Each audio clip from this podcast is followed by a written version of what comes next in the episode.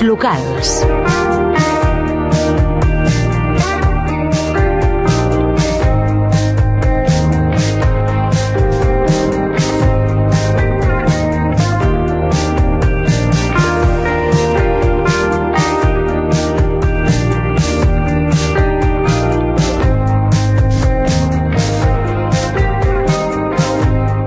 El nostre convidat d'avui és enginyer en telecomunicacions. És un dels fundadors de Ràdio Sant Cugat i també ha estat eh, director tècnic de Catalunya Ràdio. Forma part d'una de les famílies de més anomenada i que més ha contribuït al creixement de Sant Cugat.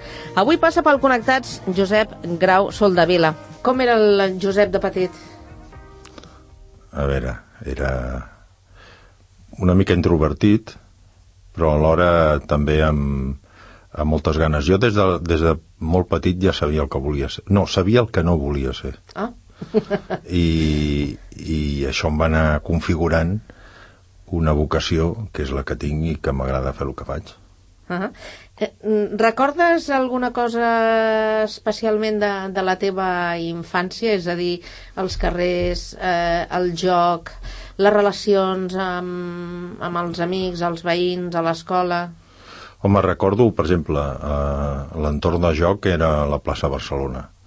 Era a prop de casa meva i, i allà jugàvem amb tots els, del, els veïns i, el, i la gent que molts anaven al mateix col·le, tots anàvem al, al Massip, fins a que vaig fer el batxiller elemental, que va ser l'última l'última fase del batxiller elemental, i llavors ja canviava el nou programa, doncs eh, vaig estar en el Massip i recordo amb, inclús encara tenim relació els antics alumnes i ens veiem una vegada a l'any i eh, ho, ho recordo amb certa, amb certa diguéssim proximitat i enyorança no? en alguns aspectes Eres bon estudiant? sí, bueno ho aprovava tot si és això ser bon estudiant No donaves, no portaves males notes a casa?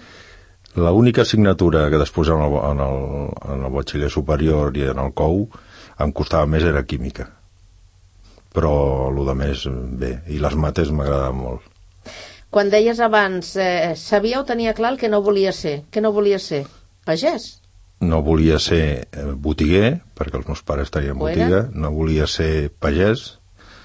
I no volia ser un, algunes carreres diguéssim, alguna formació universitària tenia clar que no volia ser. No volia ser programador, no volia ser informàtic i tampoc volia ser pues, en carreres com la salut, medicina, dret, no volia ser. Després me n'he arrepentit perquè hi ha alguna cosa que m'hagués agradat fer amb, amb la carrera d'enginyeria, que, que hagués sigut economia.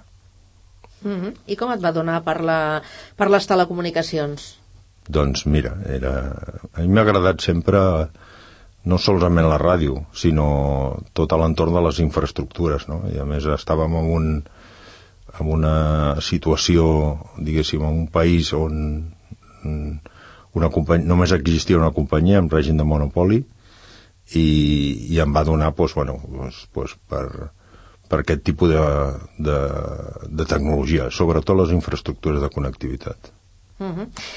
Eh, dèiem al principi que tu has estat un dels fundadors d'aquesta casa, juntament amb el teu germà i amb el Màrius, Màrius sí, sí. Caral. Els El Paco I el. Paco García, també, és cert. Eh, com, com se us va passar pel cap això de, de muntar una emissora? Bueno, se'ls hi va passar pel cap amb ells, el Ramon i el Màrius, perquè ells tenien moltes ganes de fer un projecte eh, per la ciutat radiofònic. Eh, potser la meva proximitat a la tecnologia em va, em va fer eh, apropar-me en el projecte, no? Mm. I vam començar de zero, és a dir, des de definir-ho i pensar-ho i meditar-ho pues, a, a les nits a Calmagrola i a partir d'aquí doncs ens vam llançar o sigui, no vam tardar molt eh? no ens ho vam pensar allò molt programat i molt establert sinó vam dir ho fem i ho vam fer El projecte tècnic era teu, llavors? sí, sí, sí. Mhm. I quan comença a caminar aquesta casa, eh, no sé, tu ets de menjar mol- molta fruita o no?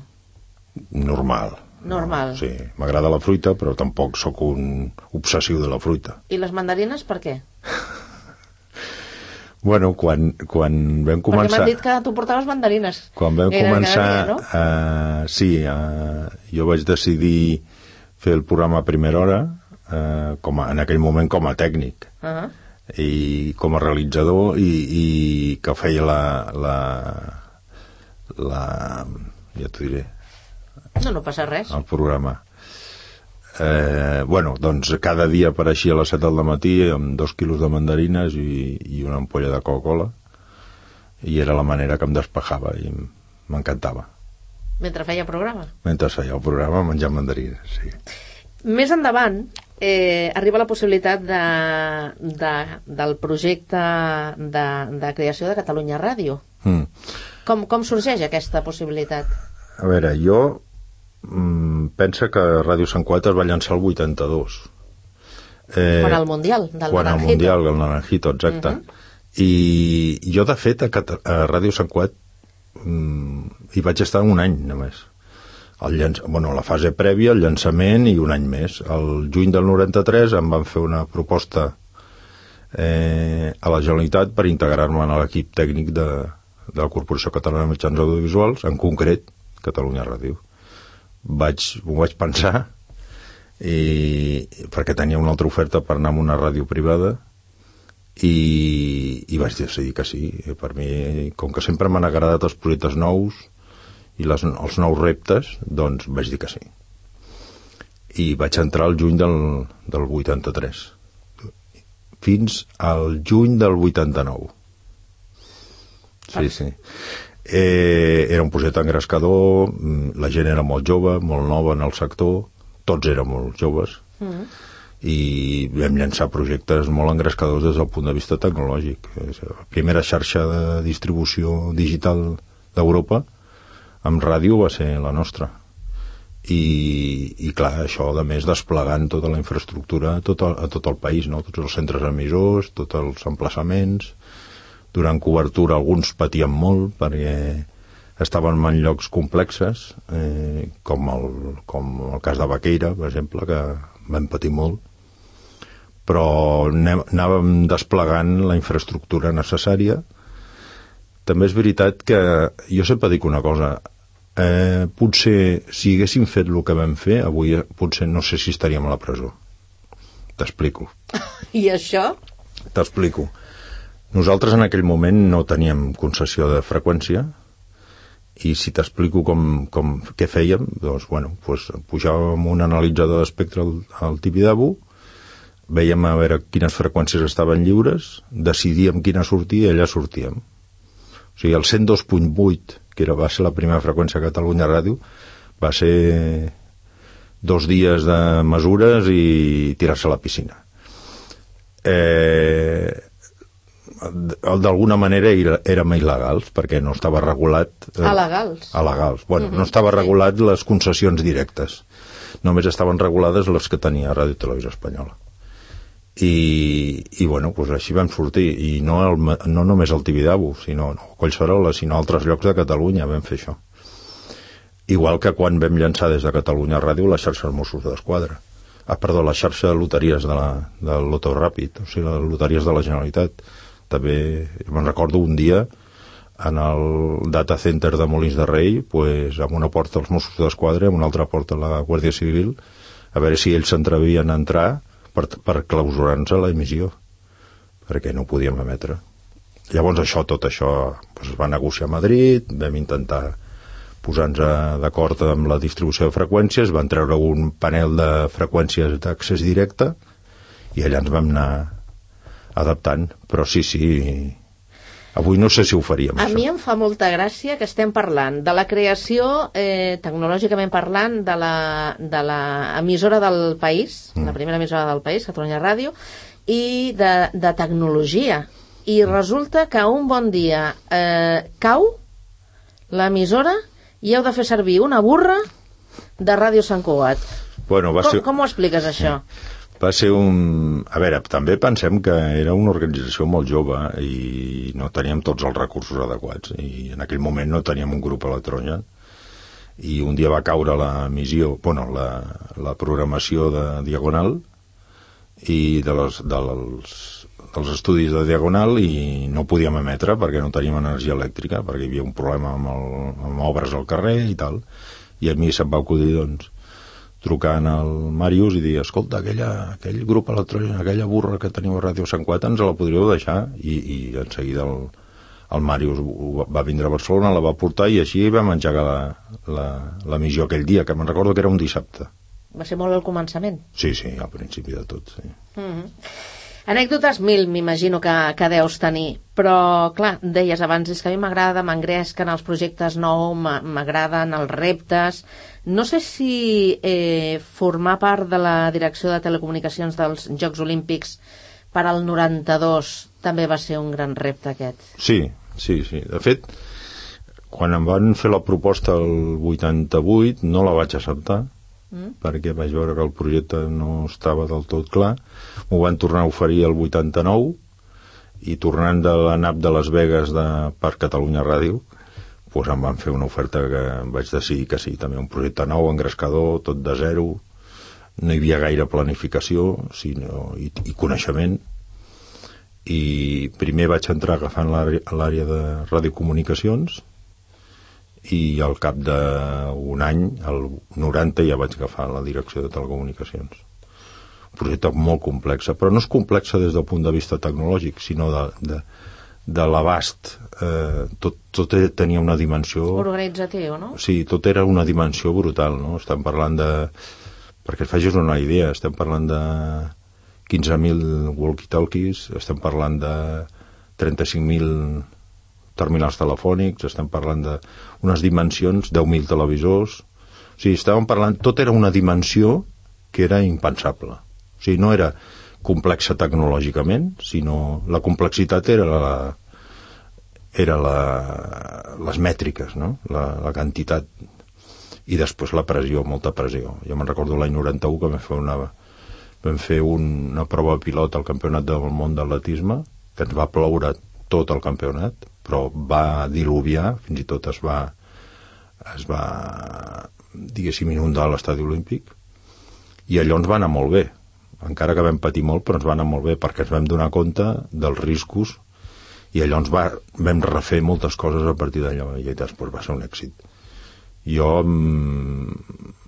m'ho vaig passar molt bé i a més eh, va ser un dels millors jocs de la història des del punt de vista no des del punt de vista esportiu que també sinó des del punt de vista organitzatiu perquè era un model públic-privat que després va altres ciutats han, han exportat el model eh, com a referent i que va ser un èxit inclús eh, des del punt de, de vista econòmic el pressupost que jo tenia va tindre superàvit i, bueno, en general el pressupost del COP va tindre superàvit mhm. -huh.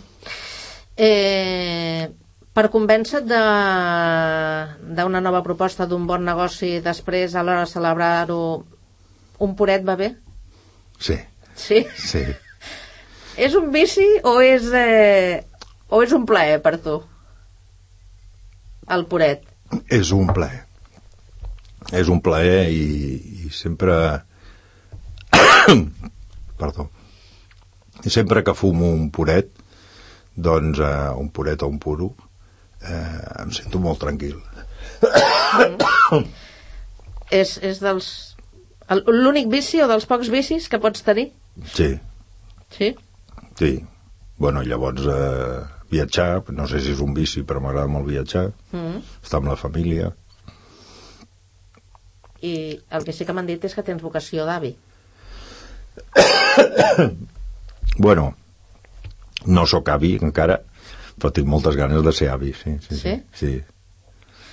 Doncs eh, que s'hi posin quan puguin. Bueno, no, tinc... tampoc, tampoc no els apretaràs. No, els tinc, tinc els meus fills distribuïts, un a Londres treballant a, a Visa, i va estar a Microsoft, que és enginyer a camins, després tinc el gran, que és enginyer a Telecos, i treballa en una companyia com a arquitecte d'aplicacions, aquest sí que ha decidit fer-se tequi d'aplicacions, desenvolupador, i viu a, aquest viu a fora de, tots viuen a fora de Sant Cugat ja, o sigui que que els... No ho sé, de moment tenen gats, no tenen, no tenen fills. Una última qüestió, què t'agrada fer quan tens una estona per tu? pues, quan tinc una estona per mi, llegir, eh, escoltar música i, i compartir amb la família. Vull dir, m'agrada molt estar amb la família. Mm -hmm. Ja que t'agrada la música, has triat una cançó per tancar l'entrevista d'avui. Mm -hmm. eh, Digue'ns quina és i per què. Bueno, Rocketman de l'Elton John. Primer, Elton John és el... Soc un fan de l'Elton John, m'encanta i en tots els concerts que, ve, que, ve, que ha vingut, perquè ja no ve, a Barcelona, doncs he anat. I Rocketman és, és, és emblemàtic de l'Elton John, és una de les que... Tu m'has fet escollir alguna, doncs podia haver escollit alguna altra d'Elton John, però he escollit aquesta. Josep Grau Soldevila, moltíssimes gràcies per la visita. A vosaltres. I que vagi molt bé. Ho tanquem amb Elton John. Molt bé.